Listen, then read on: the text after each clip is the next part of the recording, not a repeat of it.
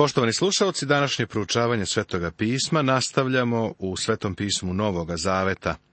U delima apostolskim u trećem poglavlju od 20. stiha i završavamo našu raspravu o Petrovoj drugoj propovedi. Da bi od gospoda došla vremena odmaranja, te da pošalje Isusa Hrista koji vam je unapred određen, koga treba nebo da primi, do vremena kada će se uspostaviti sve što je Bog od davnih vremena rekao ustima svojim svetim prorocima. Neki ovaj stih koriste da bi potkrepili svoje verovanje da će na kraju svi biti spaseni. Sve će se uspostaviti jeste izraz koji koriste. Šta je to sve što će se uspostaviti? U poslanici Filipljanima u trećem poglavlju u osmom stihu kada apostol Pavle kaže Ja u stvari i sada sve smatram za štetu. Da li je mislio na sve u Božijem svemiru? Pa svakako ne. Tako i ovdje sve je ograničeno na ono što sledi. Kada će se uspostaviti sve što je Bog od davnih vremena rekao ustima svojih svetih proroka. Proroci su govorili o obnovljenju Izraela. Nigde nema proroštva o obraćenju i obnovljenju zlih mrtvih. Mojsije je naime rekao, Gospod Bog podići će vam od vaše braće proroka, kao što je podigao mene. Njega poslušajte u svemu što god vam kaže. A svaka duša koja ne posluša toga proroka bit će istrebljena iz naroda. Izraelski narod je bio na ivici velikog suda godine 70. posle Hrista, rimski general Tit došao je svojom vojskom i uništio grad. Procenjuje se da je stradalo više od milion ljudi, a da su ostali prodati u roblje širom rimskog carstva. Sud je stvarno došao na ovaj narod. Ove dane nagovestili su i svi proroci od Samuila i dalje, koliko god ih je govorilo. Vi ste sinovi proroka i saveza, koji je Bog sklopio na vašim ocima, govoreći Avramu, u tvom potomstvu bit će blagosloveni svi narodi na zemlji. Bog je prvo vama podigao svoga slugu i poslao ga da vam donese blagoslov. Time što će svakog od vas odvratiti od zlih dela vaših. Ovo je prelazni period. Data im je konačna prilika da prihvate Mesiju.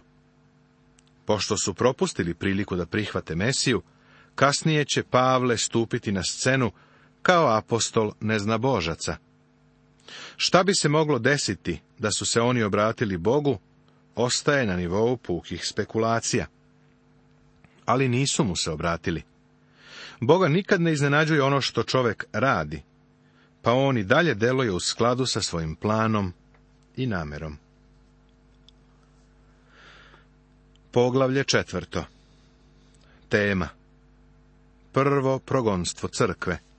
Sila svetoga duha. Ovo poglavlje nam saopštava posljedice druge Petrove propovedi. Pet hiljada ljudi je doživelo spasenje. Potom su apostoli uhapšeni i sprovedeni u zatvor. Ovo se desilo na podstrek Sadukeja, a razlog za to je bilo propovedanje o vaskrsenju Isusa Hrista. Prvo progonstvo crkve Dok su oni još govorili narodu, priđoše im sveštenici i starešina hrama i sadukeji, negodujući što uče narod i što u Isusu objavljuju vaskrsenje iz mrtvih. Želeo bih da ti pažnju privučem na nešto vrlo iznenađujuće i zanimljivo. Ko je predvodio progonjenje gospoda Isusa i koga je na kraju uhapsio i pogubio? Religiozne verske starešine, fariseji.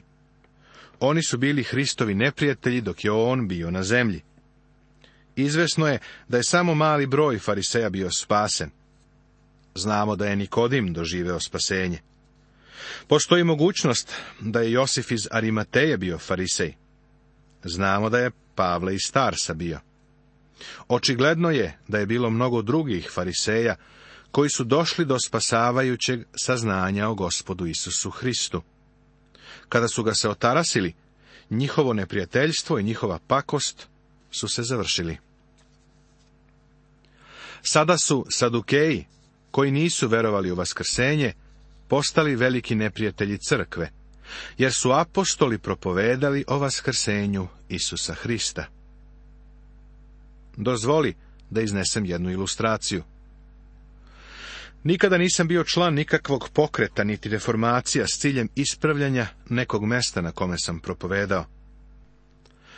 Nikada to nisam smatrao mojim poslom. Bio sam pastir u centru Los u Americi. U tom gradu smo imali filmske zvezde. Svaka je imala svoj dan, ali je zvezdani sjaj ipak nestao, pa su se te zvezde pretvarale u sagoreli pepeo. Ponekad su se nakon svoga gašanja upuštali u nekakav reformatorski rad, možda je to bila neka vrsta reakcije, ne znam. Tako jedna žena me jednom zvala i molila da propovedam na odboru koji se trudio da očisti centar grada. Složio sam se sa idejom čišćenja, ali sam joj rekao da ne mogu da propovedam na odboru. Bila je iznenađena. Zar vi niste sveštenik? Pitala je. Zar niste zainteresovani zato da se grad očisti?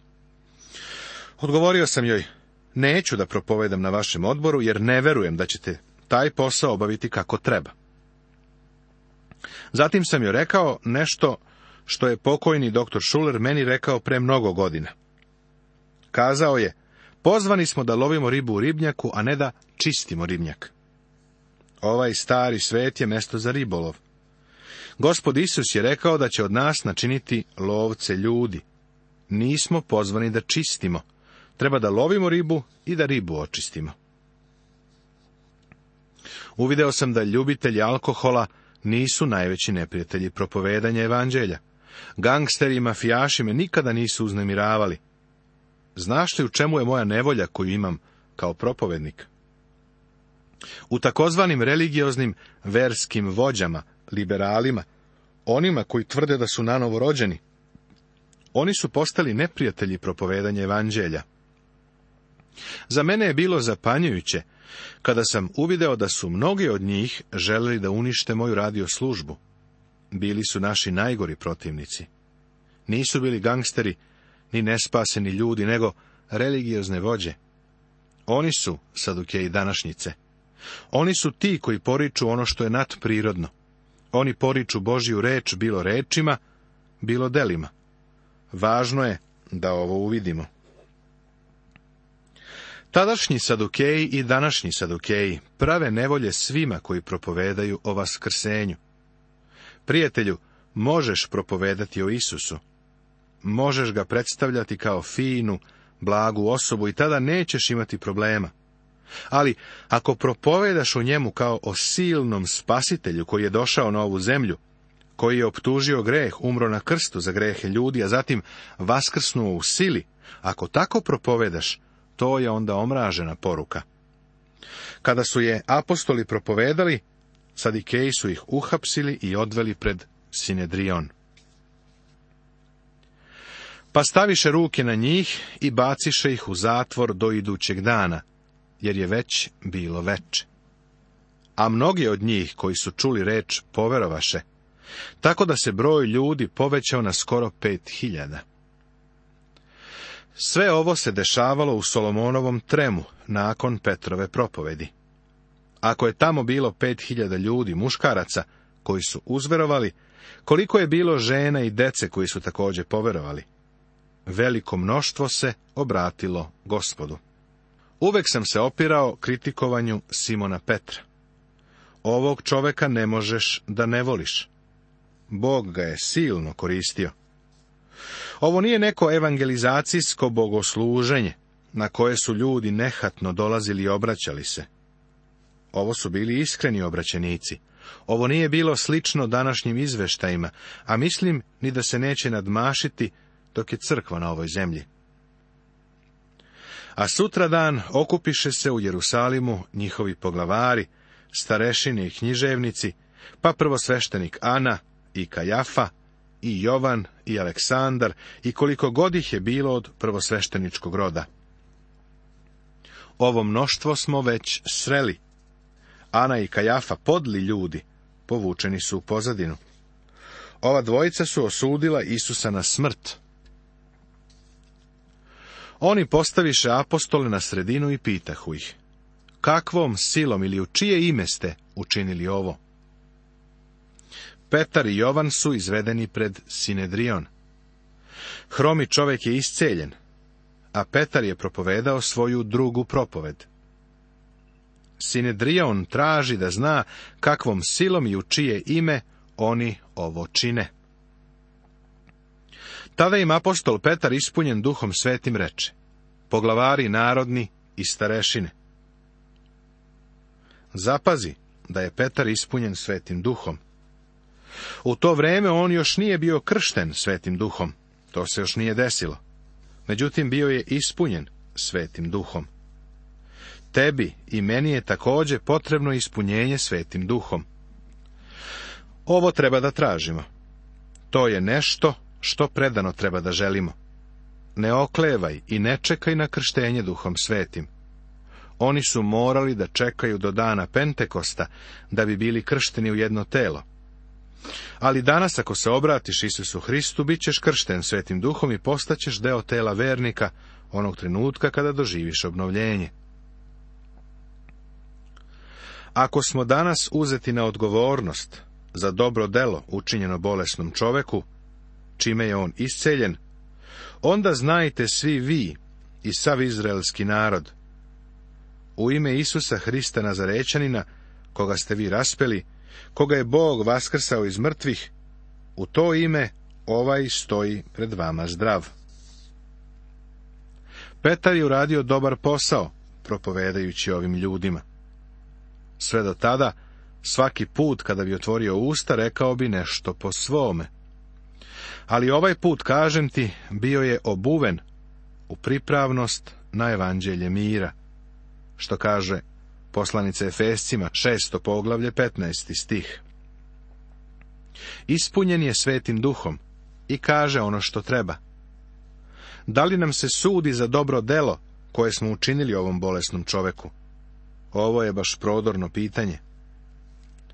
To je kamen koji ste vi zidari odbacili, a koji je postao kamen uga, oni kažu, dela apostolska četvrto poglavlje 11. stih. Apostol Petar nastavlja sa namerom da ukaže na dve stvari u vezi sa gospodom Isusom. Prvo, da je Isus razapet i da je ustao iz mrtvih. Drugo, da je Isus Hristos kamen. Gospod Isus je rekao, na toj steni sazideću crkvu kaže Evanđelje po Mateju 16. poglavlje, 18. stih. Šta je ta stena? Stena je Hristos. Sada apostol Petar kaže, evo kamena. Šta je kamen? Da li je to crkva ili Simon Petar? Ne, kamen je gospod Isus Hristos iz Nazareta. On je postao ugaoni kamen. Ovo se ostvarilo vaskrsenjem, zapazi da vaskrsenje zauzima centralno mesto u propovedanju evanđelja. Nema spasenja ni u jednom drugom, niti ima drugog imena pod nebom danog ljudima u kom treba da nađemo spasenje. Da se vratimo na Isusovo rođenje i uputstva koja je dao anđeo. I ti ćeš mu dati ime Isus, jer će on spasti narod svoj od grehova njihovih, kaže Matej u prvom poglavlju, 21. stihu. On je spasitelj. To je od početka njegovo ime. Kada prihvatiš ime, prihvataš sve što osoba sa tim imenom podrazumeva. Petar jasno pokazuje, a ja želim da to istaknem, da kada dođemo Hristu, prijatelju, dolazimo mu radi spasenja. Pod nebom nema drugog imena kojim bismo se mogli spasti. Zakon ne može da te spase. Religija ne može da te spase. Obred te može spasti. Samo ime Isus, jedno jedino, može da te spase. Isus je ime onoga koji je došao na ovu zemlju da spase svoj narod od njihovih greha. Kada mu bilo ko priđe u veri, doživljava spasenje. Ni na jedno drugo mesto ne možemo se okrenuti radi spasenja. Zar nije zanimljivo da u dugoj istoriji ovoga sveta i u svim svetskim religijama i u svim dogmama u okviru tih religija niko od njih ne nudi sigurno spasenje? Jedan moj stric je bio propovednik u nekoj crkvi koja veruje u obnovu krštenjem, odnosno u to da se moraš krstiti da bi se spasao. Pitao sam ga, vidi ako se krstim, kako ti kažeš, da li će mi to garantovati spasenje? Neće, rekao je. Prijatelju, smem li nešto da ti kažem? Nema drugog imena pod nebom kojim se možeš spasti. Ako dođeš Hristu, ako mu se obratiš, onda si spasen. To ti garantuje spasenje. Ovo je bila Petrova divna poruka i nešto čime je zaključio svoje izlaganje pred Sinedrionom. A kad prisutni videše Petrovu i Jovanovu slobodu i primetiše da su to neškolovani i obični ljudi, čudili su se. Prepoznali su ih da su bili sa Isusom. Neškolovani i obični, odnosno nisu išli na teološki fakultet, ali Sinedrion je primetio da su bili sa Isusom. Kako je divno imati život koji na neki način drugima skreće pažnju na Isusa. Ali su gledali kako izlečeni čovek stoji sa njima, pa nisu imali šta da prigovore. Zapovediše im da izađu iz Sinedriona i počeše da se savetuju među sobom govoreći. Da li ih je ganuo Petrov govor? Ne, ne, uopšte nije. Šta da radimo ovim ljudima? Jasno je da su učinili poznato čudo, za koje znaju svi stanovnici Jerusalima i ne možemo da poreknemo. Čak ni tadašnji sadukeji nisu mogli da poreknu to čudo koje je učinjeno. Da bi se čuda poricala, potrebno je imati liberale koji žive u 21. veku, i to nekoliko hiljada kilometara dalje od tog mesta. Da si tada bio tamo, bilo bi ti teško da poričeš čudo. Tadašnji liberali su morali reći, ne možemo da poreknemo čudo koje se dogodilo. Danas ljudi kažu da bi verovali samo kada bi vidjeli čudo. To nije istina. Ovo mnoštvo naroda nije verovalo, a ti imaš istu ljudsku prirodu kao što su oni imali. Problem ne leži u razumu. Problem je u volji i u srcu. Srce čoveka je očajnički zlo. Nevera ne potiče zbog nedostatka činjenica, već je stanje ljudskog srca. Sada koju zaveru. Ali da se ne razglasi i dalje po narodu, da im pripretimo da više nikome ne govore u to ime. Tako ih pozvaše i zapovediše im da uopšte ne govore niti uče u ime Isusova. Petar i Jovan su imali odgovor za njih. Ali im Petar i Jovan u odgovoru rekoše, Rasudite da li je pravo pred Bogom da vas slušamo radije nego Boga. Mi u ostalom ne možemo da ne govorimo što smo vidjeli i čuli. I kako nisu našli puta i načina kako da ih kazne, zapretiše im još jedanput i oslobodiše ih zbog naroda jer su svi proslavljali Boga za ono što se dogodilo. Čovek na kome se dogodilo ovo čudo isceljenja imao je više od 40 godina. Pomislio bi čovek da su ljudi iz Sinedriona zbog ovoga omekšali, ali nisu. Bili su vrlo kruti, srca su im bila otvrdla. Sila duha svetoga Oslobođeni apostoli dođoše svojima i javiše im šta su im rekli prvosveštenici i starešine. A oni čuvši to, podigoše jednodušno glas ka Bogu i rekoše, Gospode tvorče neba i zemlje, mora i svega što je u njima. Petar i Jovan su, dakle, oslobođeni i vratili su se u crkvu. Sada izveštavaju o tome šta se dogodilo. Ovde imamo zapis o velikom okupljanju prve crkve. Ne vjerujem da je ikada duhovno stanje crkve bilo na višem nivou. Razlog za to nalazimo u molitvi. U stvari to je više od molitve. To je pesma slave. Nastavit će se.